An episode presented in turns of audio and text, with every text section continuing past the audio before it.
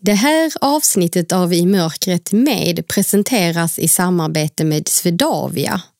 Och vi samarbetar även med Svensk skrivtolkning som textar våra avsnitt som du hittar på vår hemsida imörkretmed.se. Hej Erik. Hej Erik, hej! Hejsan. Välkommen Tack så mycket. Till du Svartklubben. Jag ska, jag ska Ja. parkera cykeln här. Ja, men parkera cykeln vet jag. Så, bara visa att jag är här. Ja, ja, men det är bra. Det är bra.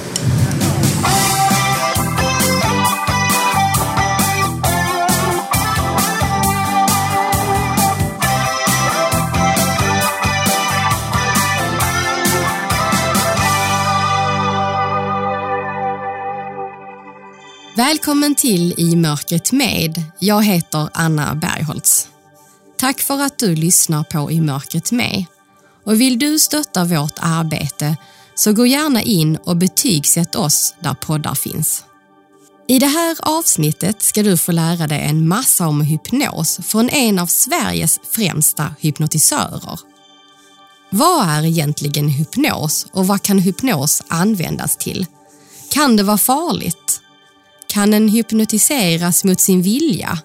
Och kan en få en människa att göra vad som helst under hypnos? Frågorna är många som du kommer att få svar på i det här avsnittet. Men kanske mest spännande av allt så kommer du att få lyssna på ett historiskt ögonblick. För vi vågar nog påstå att det här är första gången, eller åtminstone en av få gånger, som hypnos testas i totalt mörker. Som vanligt möter du Svartklubbens ägare Ulf Nordqvist. Ljudtekniker är Jan Dahlqvist. Att lovprisa sig själv är en fantastisk form av självhypnos. Det här är I mörkret med hypnotisören och underhållaren Erik Olkiewicz. Ska jag bara ta mig tröjan? Eftersom jag uppfattar uppfattat att det här är ett avsnitt med mycket striptease. Ja, men det är det. Det är det? Ja, det, är det, det är det. Men det är ingen som kommer se det. Nej, okej, vad bra. det är det är bra, precis. Ja, men du är helt naken, du är redo för vad intervjun bra, då. vad bra. Ja. Ta här. Du, får, okej. du kommer inte se så länge till. Nej, Hoppas jag. okej. För då är det någonting som är fel. Då är det verkligen någonting som är väldigt fel. För då är liksom lampan tänd eller någonting. Och det, Ja. Då ska vi släppa. Men du ser inget? Ingenting. Nej. Då kan jag säga var- att då är nog lampan släckt. Då är lampan helt släckt. Det här är helt otroligt. Ja. Så, nu kommer vi in i matsalen här då. Ja, men det, det är inrett väldigt fint. Allting går i svart. ja, men här känner jag att det är en matta i alla fall. Så. Mm. Här har vi kommit fram till ett bord som du ska hållas vid. Där har du bordet. Ja, Där, där är stolsryggen. där är sushi. Så försök att hamna någonstans mitt emellan där. Ja, det är bra. Det visar sig att just ikväll, just idag, så har du hamnat, eh, har jag satt dig mitt emot, på ett bord mitt emot en tjej som heter Anna. Åh, hej Anna! Jag hoppas att ni ska trivas ihop. Det känns jätte, jättebra. Hejsan! Vil- Vilken tur att det, det är så här vi träffas alltså. Ja, Ja. i mörkret. ja men det, det är så här det brukar kännas när du träffar mig, eller hur? Ja, det är ju ganska så sant faktiskt, för Ja. det här är ju min vardag. så det Ja, sant. häftigt. Nu är vi på lika villkor på något vis. Verkligen på lika villkor. Jag, jag gillar själva idén för det jämnar ut spelplanen här helt enkelt. Så. Ja, välkommen hit. Tack så jättemycket. Vi har ju träffats, vi kan ju berätta för lyssnarna att vi Mm. har träffats i en talarförening som finns här i Sverige. Vi känner ju inte varandra jätteväl, men vi har sprungit på varandra i den föreningen. Ja. Och, och jag känner ju till att du var den som var med i radio eller om det var tidningar och berättade om, om filmer som den enda synskadade recensenten.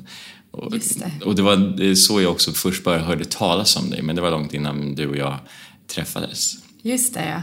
Ja, för du är ju journalist också i botten, så du har koll Ja. på media. Ja. Ja, precis. Jag hörde att ni pratade om att det var mörkt här. Du ser ingenting, eller? Ingenting. Alltså jag väljer faktiskt att hålla ögonen slutna för det känns mest naturligt faktiskt. Nu tar jag till och med av eh, glasögonen för att eh, alltså jag behöver inte dem här inne. Nej. Ja, men du ska få börja med att berätta om dig själv, Erik. Ja, alltså det jag gör, jag är hypnotisör och kallar mig också för business hypnotist. Vilket betyder att eh, många föreläsare kan prata om hur man sätter mål, hur man blir motiverad, hur man eh, kommunicerar bättre med sin hjärna. Men det är ytterst få som verkligen kan demonstrera hur det ser ut med människor live, personer som du träffar och känner.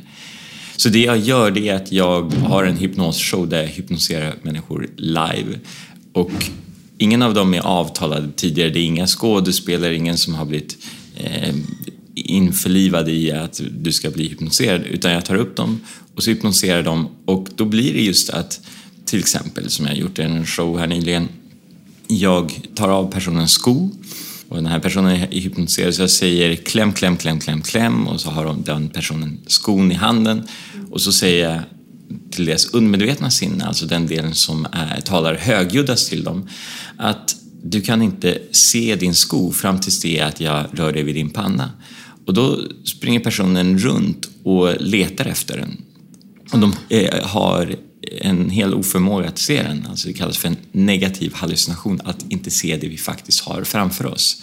Så jag, har gjort det nyligen här också med en kvinna. Hon sprang runt och letade efter sin scarf och jag sa okej, okay, du får 100 kronor 1000 kronor, 5000 kronor. Det enda du behöver göra är att hitta den här scarfen. Så hon, och du måste göra det inom en minut. Så hon springer runt och flyttar på folk och eh, jag måste hitta den här.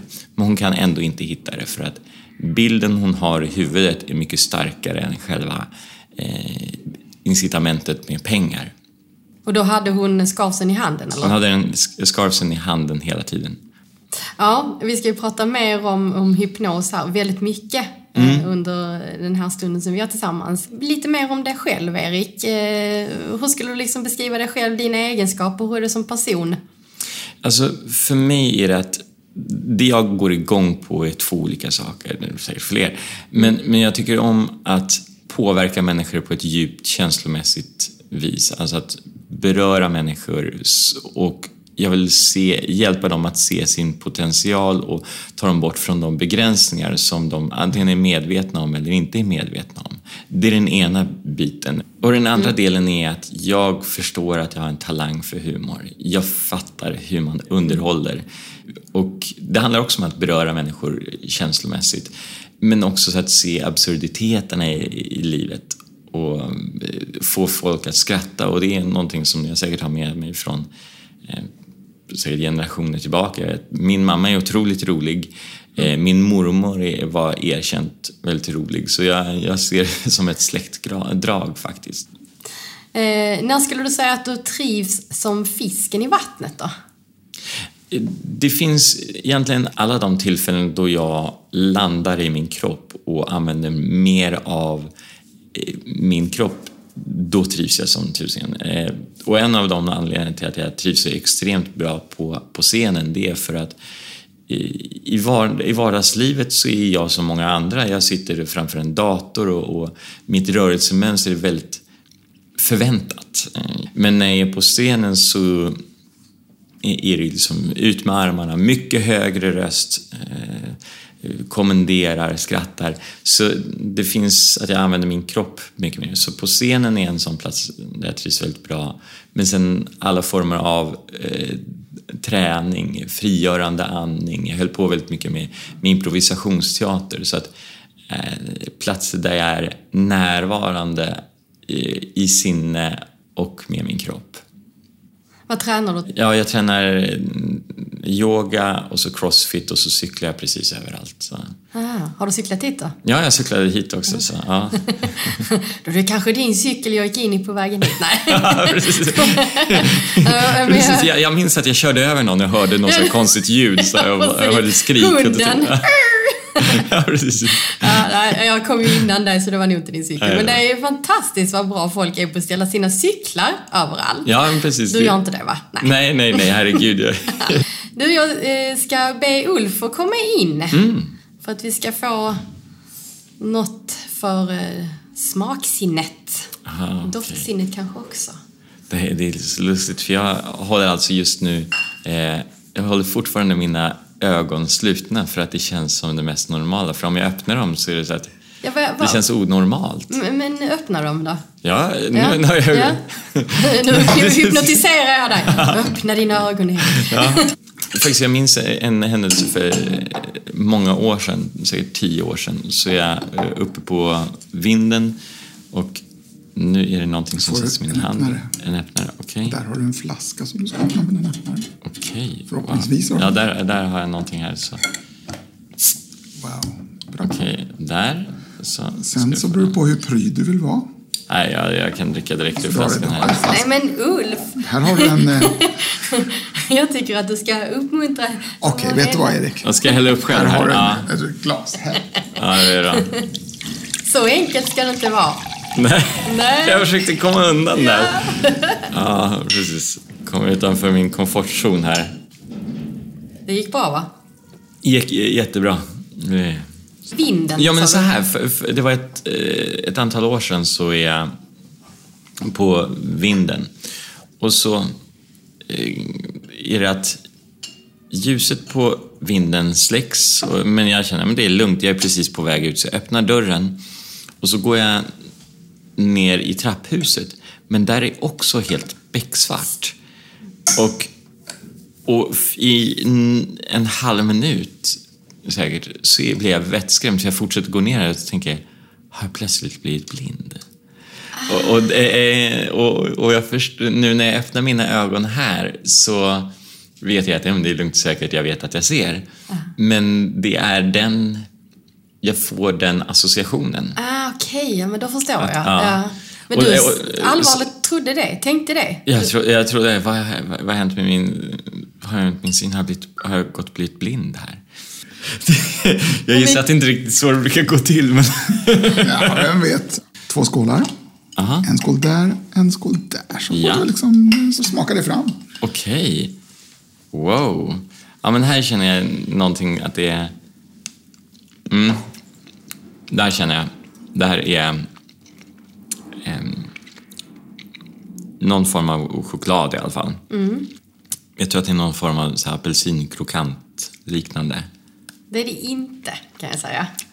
Nej. Men det är choklad i alla fall. Så det får du rätt för. Mm. Du har två olika... Vad lustigt att Nu man... vet jag ju inte vilken du tog. Jag ska smaka med, så, för jag vet ju vilka det är. Eh, vilken skål tog du ur nu, Erik? Den, den som är på min... äh, Här kommer en. Där. Så ska jag känna vad det är. Apelsin, Erik. Nej, nej, nej.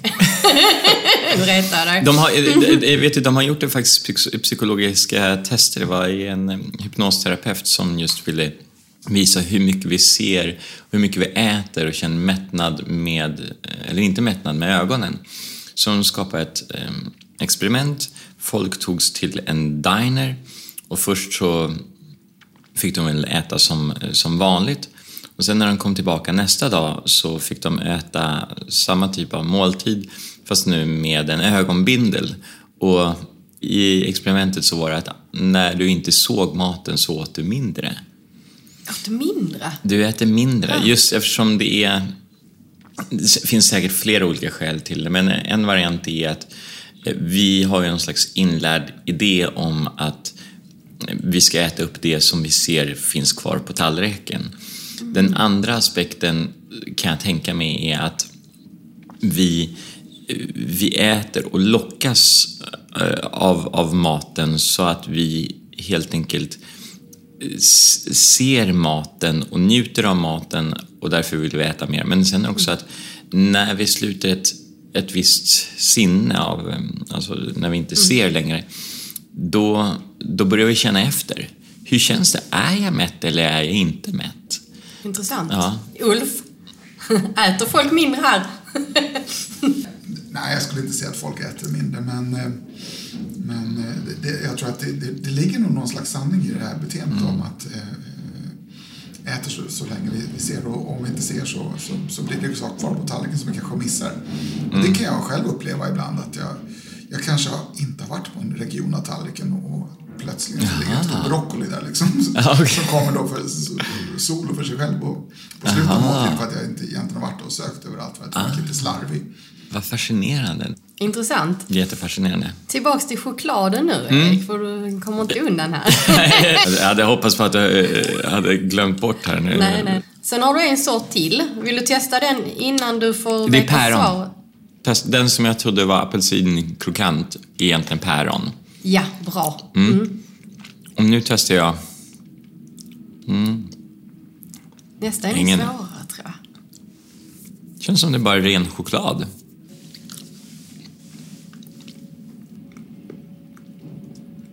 Ja, den är svårare. Men det ska vara en um, touch av någonting i. Men jag, jag tänker, hur... När du förlorade synen, vad... Vad gick, det, vad gick du igenom för olika tankeprocesser och fanns... Jag gissar att det fanns väldigt mycket rädsla och panik, men... Men, eh, men var, var, var hittar du lugnet? Ja, alltså det är ju en process. Eh, Jag tror nästan att det var värre innan jag blev blind, när jag förstod att det nog skulle bli så. För att jag hade ju en massa föreställningar som vi alla människor har, Ja. om det vi inte känner till. Ja, förstås. Och sen när det väl hände, då var jag så himla inriktad på att jag skulle liksom bli självständig. Jag hade ju goda förebilder runt mig Ja. som hade förlorat synen tidigare och som jag liksom på något vis kunde identifiera mig med. Jag kunde ställa massa frågor till dem och så. Men eh, i början var det väldigt så att jag skulle klara allting själv. Jag åkte tunnelbana, jag gick runt själv eh, till jag insåg att oj vad mycket energi det här tar. Och jag kände också när jag åkte tunnelbana framförallt att jag var ganska rädd. Jag var nära att trilla ner en gång på, Oj. på spåret till exempel. Ja. Så då började jag väl någonstans inse att eh, det är ju jättebra att man kan klara sig själv och vara självständig och sådär, men till vilket pris liksom. Ja. Så det var nog en process för mig. Idag tar jag ju mer hjälp. Jag är ju väldigt självständig fortfarande och har till exempel åkt tunnelbana, gått hit med min ledarhund idag. Ja. Och det är ju väldigt, väldigt skönt. Men om det är en dag när jag känner att jag är väldigt trött, då försöker jag åka färdtjänst eller ta en taxi. Ja. Och sen såklart så är det ju din sorg Ja. som dyker upp lite då och då. För mig är det ju så här att jag vet inte om du lekte den leken eller hade den diskussionen någon gång i, när man var barn, i tonåren så här. Okej, vilket skulle du välja? Att bli blind eller att bli döv? Den frågan har jag fått som blind med ett par gånger faktiskt. Men de har vetat om att du är blind? då? Ja, ja, ja. Mm, ja nej, men det, är ju sån, det är ju en jättekonstig fråga Ja, men det, det, det, är en- det är en Ja. Mm. pest eller kolera-fråga. Men vad den egentligen berättar är att eh, om du har att välja mellan två, två onda ting, som Mm. man beskriver egentligen som, vilket av de här känner du verkar vara minst ont? Så? Liksom om man nu kan ge ett svar, det tycker jag väl egentligen inte att man kan. Men alltså, för man vet ju inte. Alltså hur ska man kunna föreställa sig det innan så? Ja. Men jag kan ju ändå känna det att eh, nu trivs jag ju med mitt liv. Jag tycker jag har ett fantastiskt liv. Ja.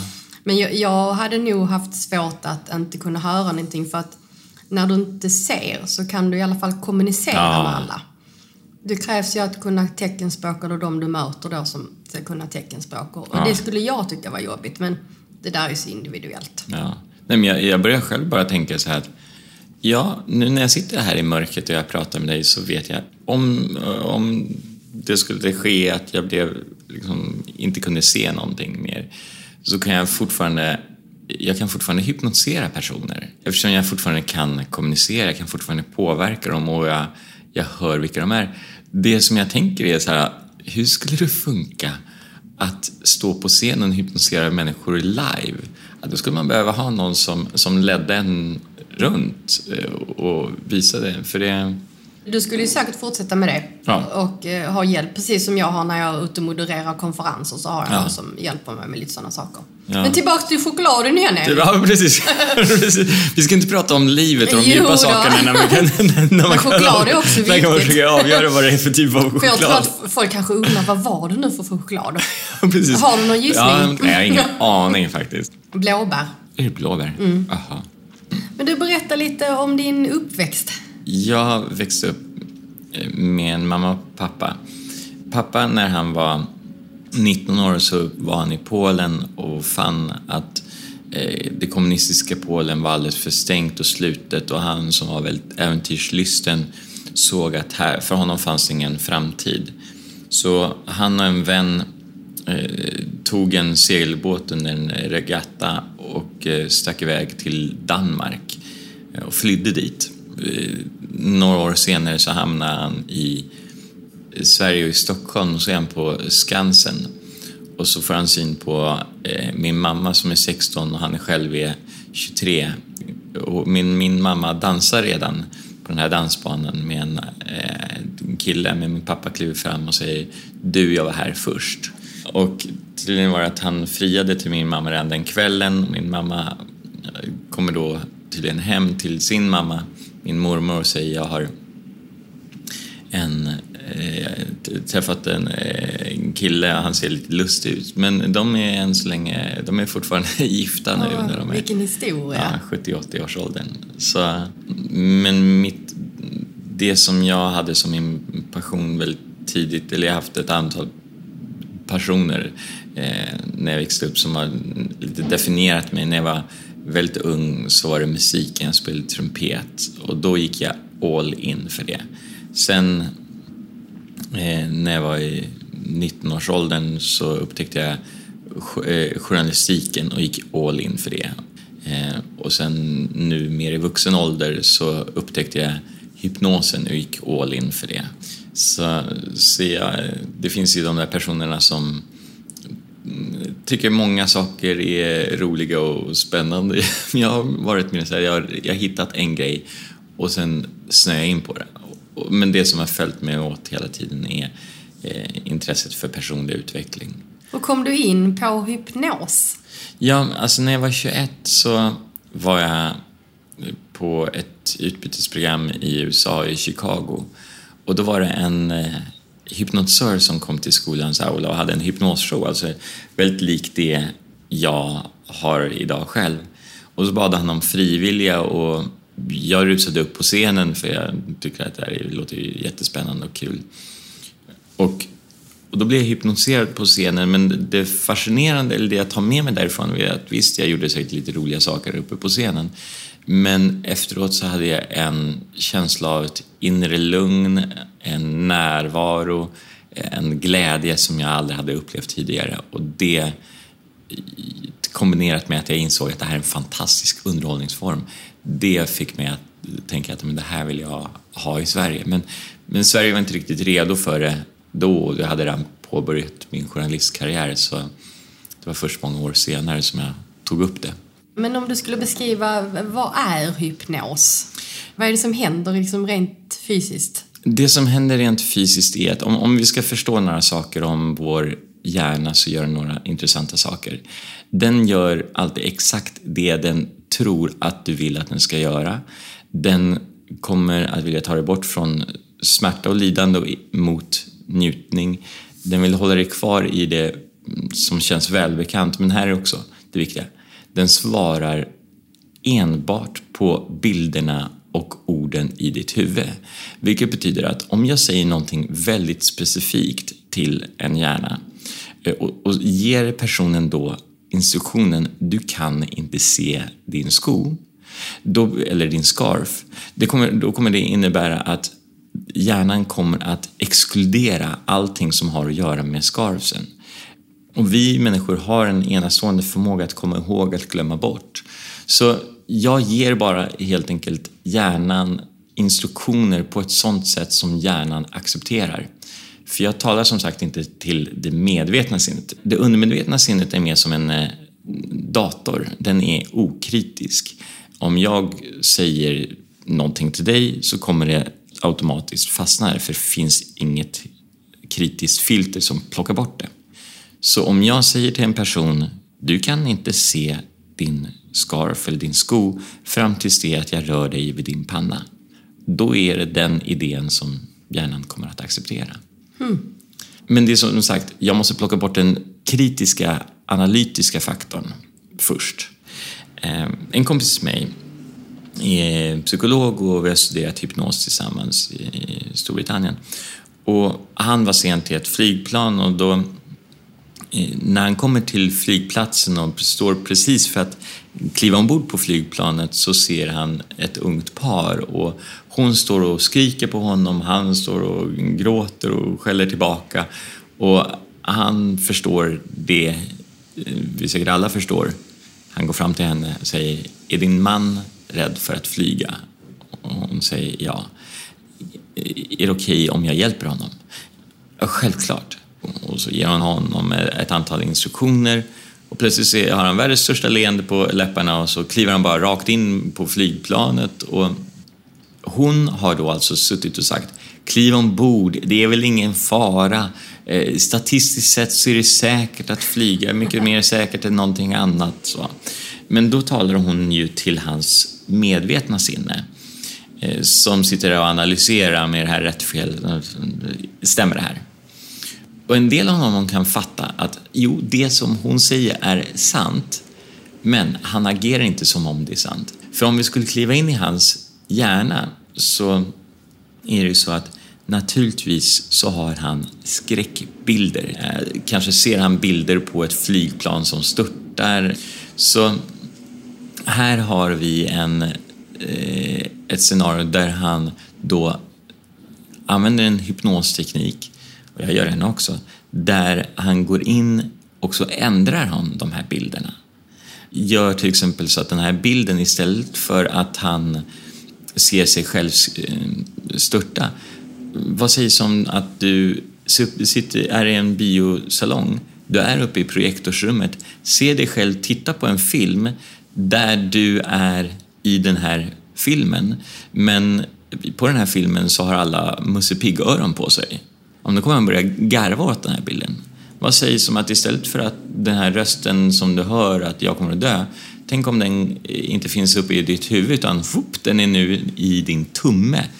Och då säger, och säger saker med riktigt fånig röst. Åh, jag är rädd för att dö! Och vad fånigt det Och på några minuter så har vi fått till en förändring. En, det går så fort alltså? Man kan göra det så Man fort. kan göra det så fort. Ja. Vad kan man använda hypnos till? Nu har du ju berättat något exempel på det, men alltså det finns ju lite olika sätt, förstår jag. Massvis med saker. Alltså du kan göra hur mycket som helst. Eftersom alla människor har idéer som begränsar dem, då kan man ändra de begränsande idéerna. Så då kan man gå, eh, gå in och då kan det vara så här, stärka människors självförtroende, hjälpa dem bli av med en fobi, eh, nå sin idealvikt och behålla den. Ehm, stå och tala inför publik och känna sig lugn och trygg med det. Men också, man kan hjälpa människor med alltså shaky hands, alltså tremors Alltså människor vars händer skakar okontrollerat. Men hur kan man göra det? Är inte det något fysiskt liksom som är... Jo, det finns lite olika varianter. Alltså det finns medicinska orsaker och om det är medicinska orsaker så är det inte där för att bota några sjukdomar. Men det kan finnas psykologiska orsaker till varför någon har eh, någonting. Eh, de kan ha blivit skrämda som barn till exempel. Eh, eller inte blivit sedda som barn. Eh, då vill de bli sedda som barn och då kommer de på, hur kan jag bli sedd? Jo, jag låter mina händer skaka. Ah, då, får, då får jag uppmärksamhet och så hänger det kvar. Men kan alla hypnotiseras? Ja, alla kan bli hypnotiserade eftersom vi är alla mo äh, mottagliga för påverkan. För om du inte var det så hade du aldrig kunnat lära dig någonting. Så, så ja, men finns det de människorna som är liksom lätta eller svåra? Oh ja, alltså man ja. brukar prata om att 50 procent är, det, är naturals och 50 procent är sådana som tar lite längre tid. Det är alltså att personer som går och pratar i sömnen är naturligtvis väldigt mycket lättare att hypnotisera än de som inte gör det. Och varför det då? De övar ju på det här tillståndet varje natt. Ah. På att eh, gå in och eh, leva sig in i någonting så att det bli sant. Så... Gud vad de håller på. Ja, de håller på att borra här. ja. Kan du inte hypnotisera nej, men, dem och vara tysta? Nej, men jag kan säga att det, det, när, när det är störande ljud och eh, jag ska hypnotisera en person, då säger jag till personen att eh, alla ljud som du hör kommer bara få dig att gå djupare. Du kan gå djupare än alla de ljuden. Så vi kan sitta och hypnotisera publiken, det tycker jag låter som en alldeles utmärkt idé. Ja, precis. Men, eh, för jag tänker att, oh, att jag nog hade varit en svår människa att hypnotisera, för jag är en sån kontrollmänniska. Ja, grejen är att eh, folk säger alltid och jag är en sån kontrollmänniska, jag kan inte bli hypnotiserad. Men det finns ju också tillfällen när du släpper kontrollen. När du, när du bara tillåter det att hända. Till exempel, du hör en favoritlåt så är det inte att du bara säger jag måste höra varenda takt här och höra exakt vad de säger utan du bara följer med i, i den upplevelsen. Men du måste bygga mycket på tillit till dig då? Ja, men det är, väldigt, ja. det är väldigt mycket tillit. Men eh, det här är inte ett absolut. Vi, vi har ju blivit påverkade av personer som vi inte har något förtroende för heller. Hur mycket har Coca-Cola inte berättat saker för oss om att det är världens bästa dryck? Och vi har accepterat den idén trots att vi vet att det är dåligt för oss. Men de har upprepat det så många gånger med sån auktoritet och sån emfas så att vi litar på att det är sant trots att vi kanske inte har förtroende för The Coca-Cola Corporation. Ulf, du har ju blivit hypnotiserad. Nu till vår fantastiska samarbetspartner Swedavia och ledsagare Håkan Sevegran som jag följer med på jobbet på Arlanda. Eh, nu står vi alltså då i eh, bagagehallen, den stora bagagehallen på terminal 5. Och i den här hallen finns det då... Det piper nu. Varför nu det? piper det för att eh, bagaget börjar komma från New York. Och här ledsagar du också? Mm, här ledsagar vi alla som behöver hjälp. Då. Så vi tar dem hela vägen ifrån flygplanet, eh, genom passkontrollen och eh, hämtar bagagevagnar eller vad det nu är som behövs för att ta allting vidare ut. Både resenären och väskan. Eller vad, kan vara hundar också faktiskt. Hur eh, hittar ni väskorna då till de som ni ledsagar? Det är mycket eh, väskor. Ja, det är mycket väskor. Då får vi först identifiera hur många väskor och så får vi lära oss vad väska heter kanske på flera språk. Och så får vi på något sätt ta reda på då eh, vad det är för färg eller form eller hur den eh, ser ut, om den har något speciellt kännetecken. Eh, och det sista vägen ut är att ta fram bagagetaggen och verkligen säkerställa då eh, att det är deras väska. Och det gör vi ju alltid då när, när eh, väskan är identifierad. Och så går vi tillsammans ut genom tullen. Har du några tips på hur man kan göra med sin väska för att det ska bli lättare för er att känna igen den? Jag tänker när man ledsagar någon med synnedsättning. Ja, det är ju jättebra om man eh, kan på ett tydligt sätt beskriva hur väskan ser ut och kanske ha ett kännetecken på väskan. Helst en klisterlapp eller en stor färgad eh, rosett eller någonting som verkligen sticker ut. Och är man osäker på vad färgen heter på svenska eller om man har svårt med, med, med, att prata eller så, så kan man gärna ha en bild faktiskt på sin väska som man kan ta fram och visa i telefonen eller på annat sätt. Just det, det var ju smart. det har jag aldrig tänkt på. blivit hypnotiserad och då, jag kan väl säga så här att det, det, handlade, det var lite åt terapihållet mm. som det handlade om. Ja, det, var, det, var rätt, det var väldigt spännande för det kom det kom väldigt, eh, vad ska man säga, det kom, kom rätt mycket drömska eller bilder som var mm. rätt, rätt annorlunda skulle jag säga. Ja, det är det jag tycker om, att man får tillgång till en annan del mm. av oss. Alltså att, eh, kunskap är ändligt, eh, men fantasi är inte det. Och när vi har, får tillgång till vår fantasi så gör det att, eh, att vi plockar bort det rationella. Alltså att, Men eh, eh hur, eh, hur kände du dig efter att du ja. fått hjälp av hypnos? Alltså, jag, som sagt jag, jag kan bara skriva under vad som sades nyss. Att det, det är härligt att vara inne i en, i en värld. Mm. Alltså, jag kände mig lite ganska befriad. Mm. Jag kände att det var härligt. Eh, då är det så här, fick du det resultat du hade önskat? Alltså, för, för en sak att liksom, mm. hypnosen i sig var behaglig, men mm. det man vill ha är själva resultatet. Så. Alltså, jag tror inte att jag hängde med på tåget tillräckligt länge för att, för att det skulle hända. Nej. Det är härligt att få behandlingen, men... Det, det, behöver, inte, det behöver inte dröja sig kvar så. Nej. Nej och det är det som är själva utmaningen med, med hypnos. Och, eh, är att vi vill att det ska vara, hänga kvar. Jag kan ta ett exempel som är helt okej att dela med sig av. För många år sedan, nio år sedan när jag var precis ny, så hypnotisering kvinna som ville sluta röka men hade inte lyckats göra det på egen hand. Men det jag då förstärkte hos henne var alla skäl till varför hon vill sluta. Alltså att jag vred upp smärtan och jag vred upp också ehm, njutningen med att äntligen vara fri från tobak. Och det är det som är själva grejen. Att jag vill inte att hon bara under den stunden ska känna Ja, under den här tiden, den här timman som Erik jobbar med mig så är jag rökfri. Det, det känner ingenting till, utan jag vill ha det som vi kallar för en posthypnotisk suggestion. Alltså att hon accepterar en instruktion även efter det att hypnosen är över. Så nu har det gått nio år och jag träffade henne för en andra session eh, för någonting helt annat men hon har inte rökt de här senaste nio åren. Men man kan väl få så att säga återfall till att börja oh ja. röka igen även, oh ja. om, även, men, även om du håller i ett Ja, men mm. då, då, tar man, då vet man att då slutade personen göra det som fungerade. Eh, och då är det bara att man fyller på. Då kör man en vers till. till ja. Så. Ja, Ulf, ska vi köra lite musik? Det är en blind date med livet En maskerad en jätteuppsättning på livets estrad. Där människorna komma och människorna gå.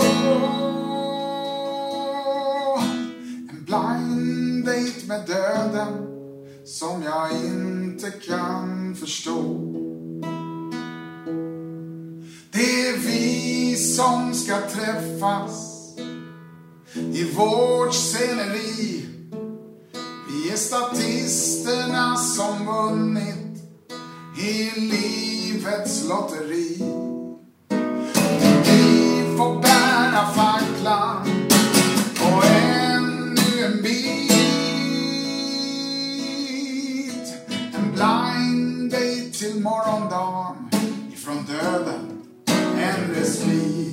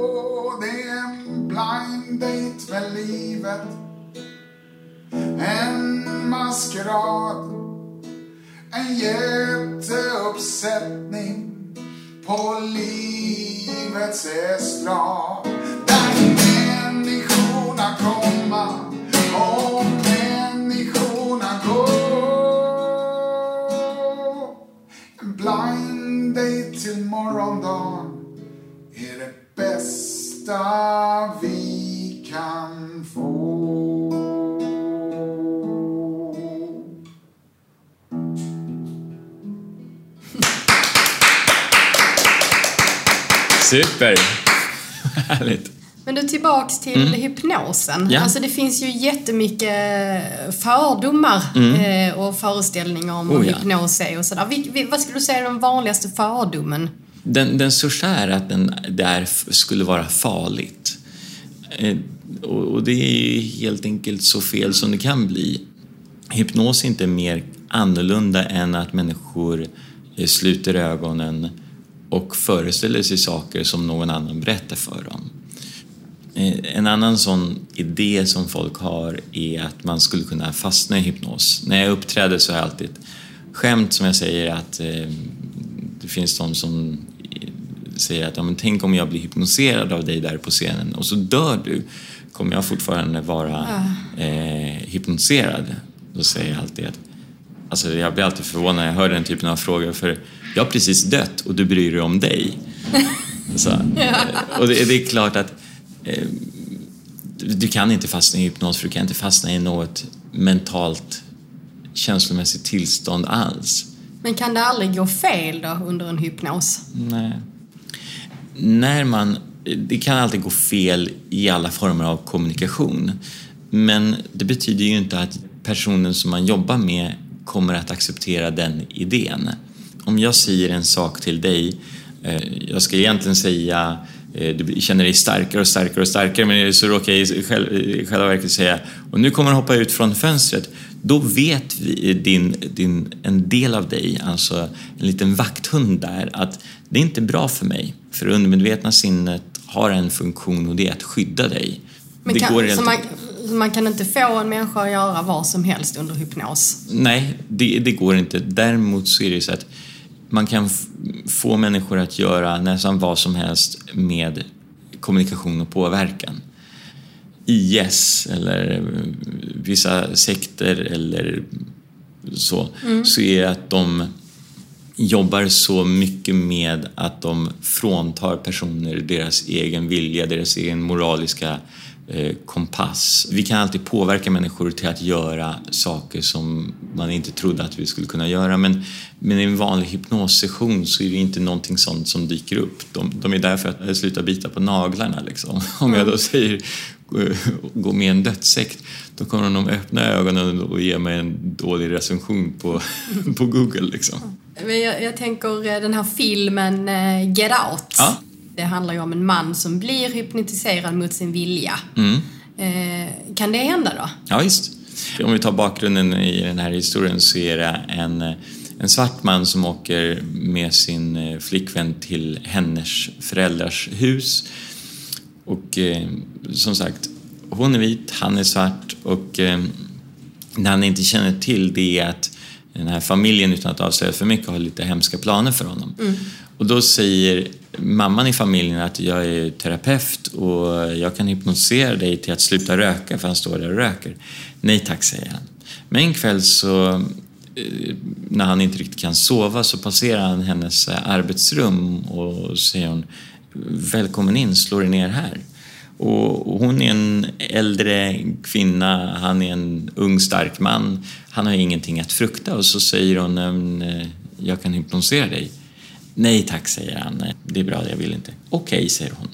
Vilket får honom att koppla av ännu mycket mer. Hon har ju lovat att hon inte ska hypnotisera honom.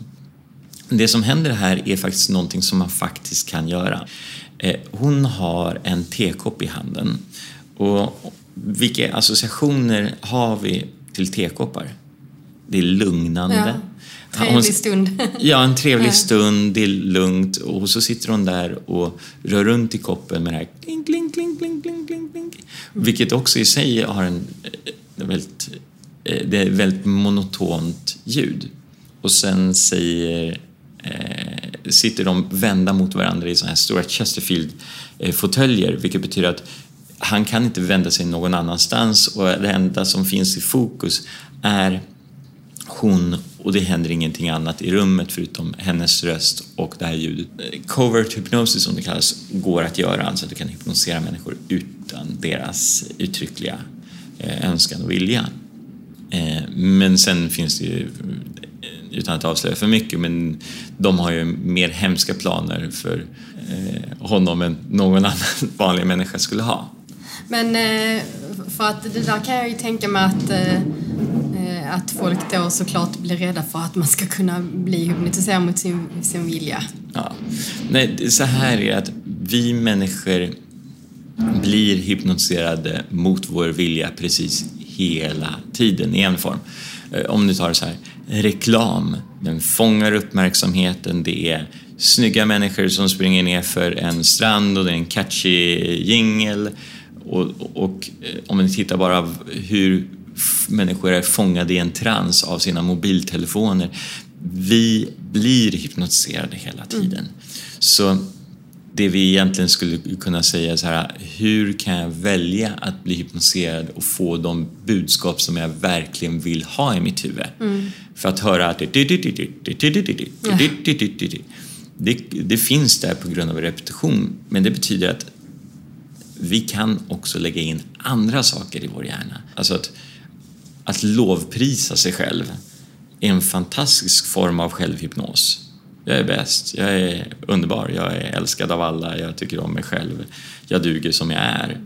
Muhammad Ali var en sån som sa att jag I'm the greatest. I said that to myself even before I knew I was. Mm. Min, min, mentor faktiskt, eh, Justin i USA, var polare med Muhammad Ali och han kan bekräfta att han gick ju bara runt och sa I'm the greatest, I'm the greatest. Så, så det är det man ska göra? Ja, ja. Uh.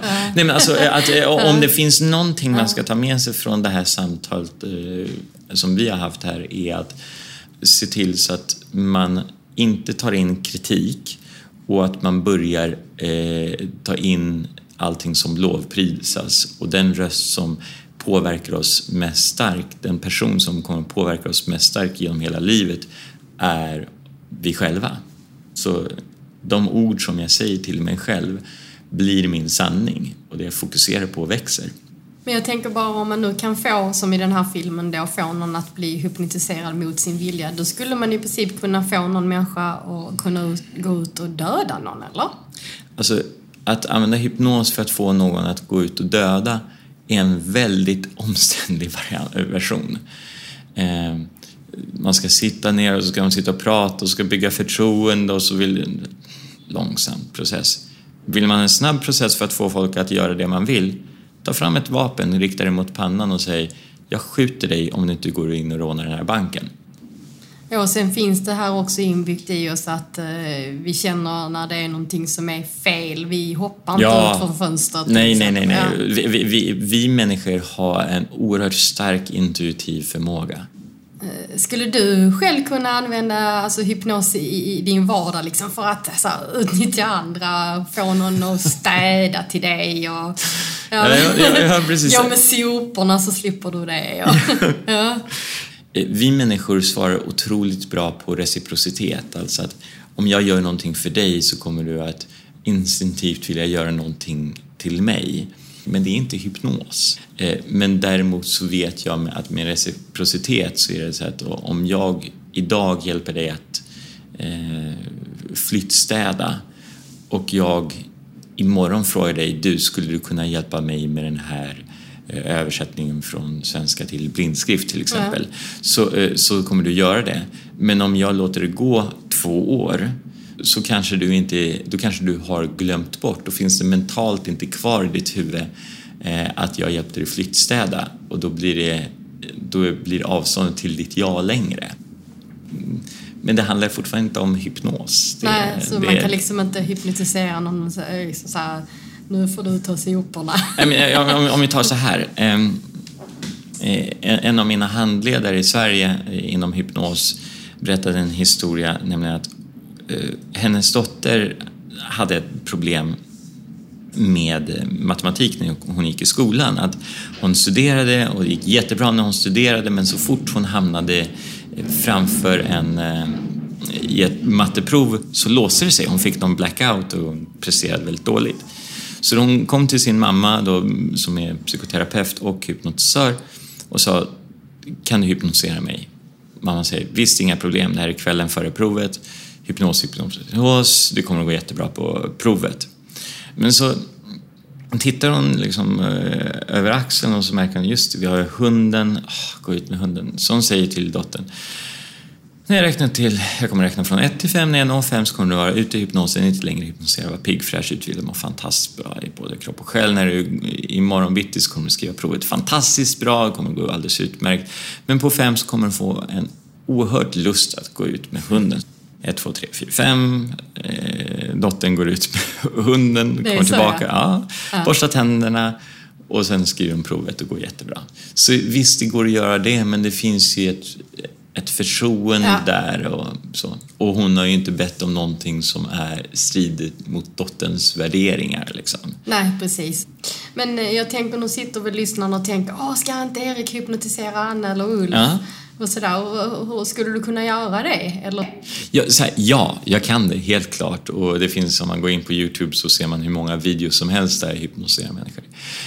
Det som jag ser som en utmaning här, det är att om lyssnarna lyssnar på det här och jag kör min induktion, alltså mitt sätt som man använder för att hypnotisera människor, så kommer lyssnarna faktiskt att bli hypnotiserade. Vilket betyder att även om de inte tror det eh, så är det att det är det som kommer hända. Vilket betyder att jag vill inte ta ansvar för om det är någon som lyssnar på det här och kör bil, mm. att de faktiskt blir hypnotiserade när de kör bil. Jag kan hypnotisera dig och sen kan du återberätta om hur det var för någonting eller att vi tar de första eh, meningarna och sen klipper vi bort vissa bitar. Ja. Det, det, är en variant som vi faktiskt skulle kunna göra. Ja, skulle men att, att jag inte kör hela grejen i själva podcasten. Ja, just det. Mm. Men ska vi köra då så kan jag klippa. Ja, det är ja. jättebra. Uh, Ulf, är du med då? Ska vi köra då så, så äh, säger vi till lyssnarna att vi kommer att klippa i det här också. Ja. Så att äh, man kommer inte att bli hypnotiserad om man lyssnar på det helt Nej, enkelt. Ja. helt klart. Sitter du ner Ulf? Ja. ja. Och jag blir nästan lite nervös. Ja, men det är bra. Jag har aldrig jag har aldrig gjort det här. Men... Ja, och, och, jag kan säga, jag har aldrig hypnotiserat någon i fullständigt mörker. Så för mig blir det här också en fantastisk upplevelse, så tack så mycket för den. Okej, okay. om ett ögonblick så kommer jag be dig att sluta ögonen. Slut inte dina ögon riktigt än, utan titta bara i den riktning som du hör min röst komma ifrån. För om ett ögonblick så kommer jag räkna från fem ner till ett. Och på nummer ett så kommer dina ögon att stänga och låsa sig och ju hårdare du försöker öppna dina ögon på nummer ett, desto omöjligare blir det. För faktum är att det finns ingenting du kan säga, göra eller tänka som kan få dina ögon att öppna sig. I själva verket, det enda sätt dina ögon kommer att öppnas på är om jag kommer till dig personligen och jag rör dig vid din panna. Så här. Vill att det ska hända, förväntar att det ska hända, ser det hända.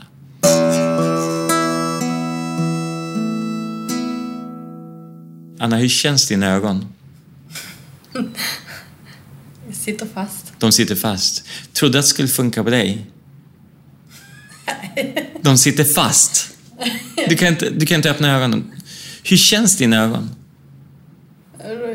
Som klister. Som klister, okej. Okay. Ulf, hur, hur känns dina ögon?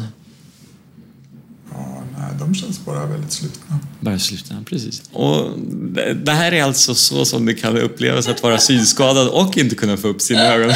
Snacka ödesvärre än döden. Ja, Okej, okay, berätta för, för folk som lyssnar här. Känner du att du är hypnotiserad? Anna? Alltså, nej, jag bara känns som att jag kan få upp ögonen. Nej. Ja.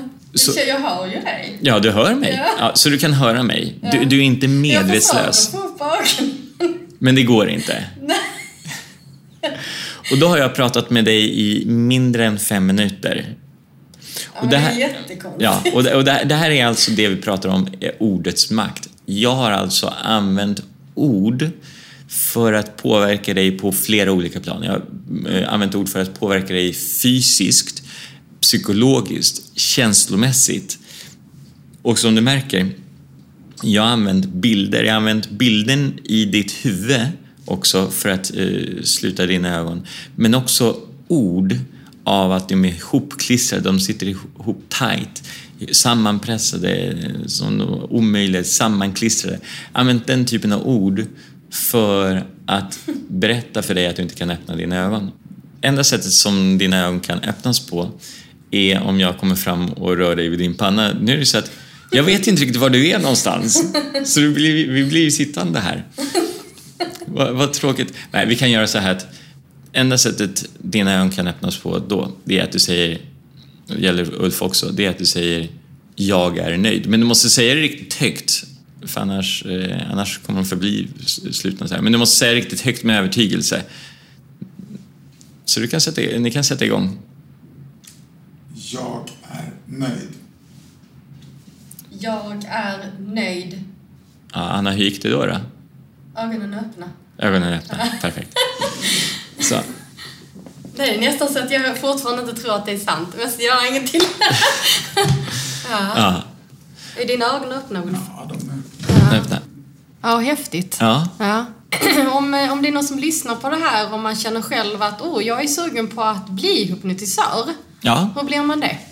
Jag, jag har ju kurser där jag lär människor att eh, hypnotisera. Var utbildade du dig någonstans? Jag utbildade mig i Las Vegas och sen har jag haft just lärare som är tidigare hypnosterapeuter och uppträtt i Las Vegas och i New York. Alltså krävs det någon slags certifiering för att man ska få lov att utöva sitt yrke sen? Nej, nej, utan eh, så här att jag får enligt Socialstyrelsen inte bota sjukdomar. Men vad det betyder är att jag får inte gå runt och säga att du är fri från cancer. Eh, Men det är så här, vem, vem gör det? Vad skulle du säga är viktiga egenskaper för att bli en bra hypnotisör? Framförallt så är det lyhördheten, nyfikenheten, att, att vara detektiv. För, för det är någonstans att när jag jobbar med en person så, så hör jag var de har sina begränsade övertygelser. Och då får man ändra den idén. Så att vara lite detektiv och också ha tillit till sina egna ord. Lita på att det, de historier som kommer fram eh, är bra och att det kommer att gagna personen. Men eh, hur var det att hypnotisera oss nu här i mörkret då? Det var fantastiskt häftigt för det betyder också att jag lär mig saker här också. Att jag behöver inte se personen för att kunna hypnotisera dem.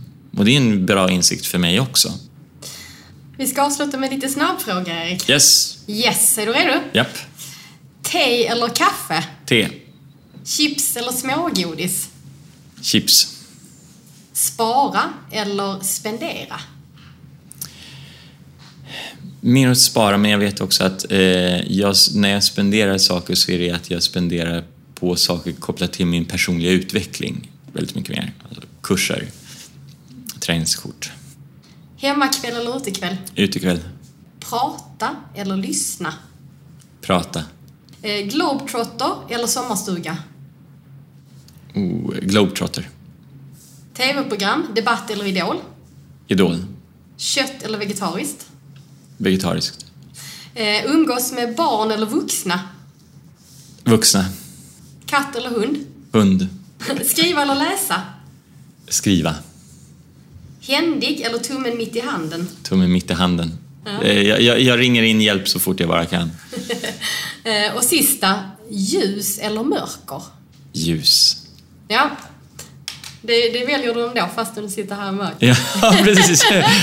Förstår du vad jag lidit här den senaste timmen? Ja, Ja. precis. Ja, och hur känns det nu då? Det här känns mer och mer naturligt. Jag, men det som blir tydligt är att jag behöver använda... Det finns en intuitiv känsla här som eh, hjälper mig. Alltså att jag får öka mycket mer av min lyhördhet eftersom jag inte kan se spelet i ditt ansikte. Ja, just det. Mm. Så det är väldigt spännande. Men man kan läsa av ganska mycket med röst. Ja, verkligen. Och, ja. Personen som säger jag mår jättebra. Då vet vi att okej, kanske inte riktigt helt sant. Du, du ska få skriva i vår eh, gästbok. Ja, självklart. Eh, här har du framför dig, eh, ska vi säga bland chokladen här. Känner du här? kommer en bok. Där är det någonting. Ja. Och så känner du på den sidan där det sitter ett game högst upp kan du skriva vad du vill. Din signatur, någonting som du vill. Ja. det här är jätteroligt ju. Ehm, tack Anna för att du förde mig till den mörka sidan, Erik. Har du skrivit det? Jag har skrivit det nu. Jag fort.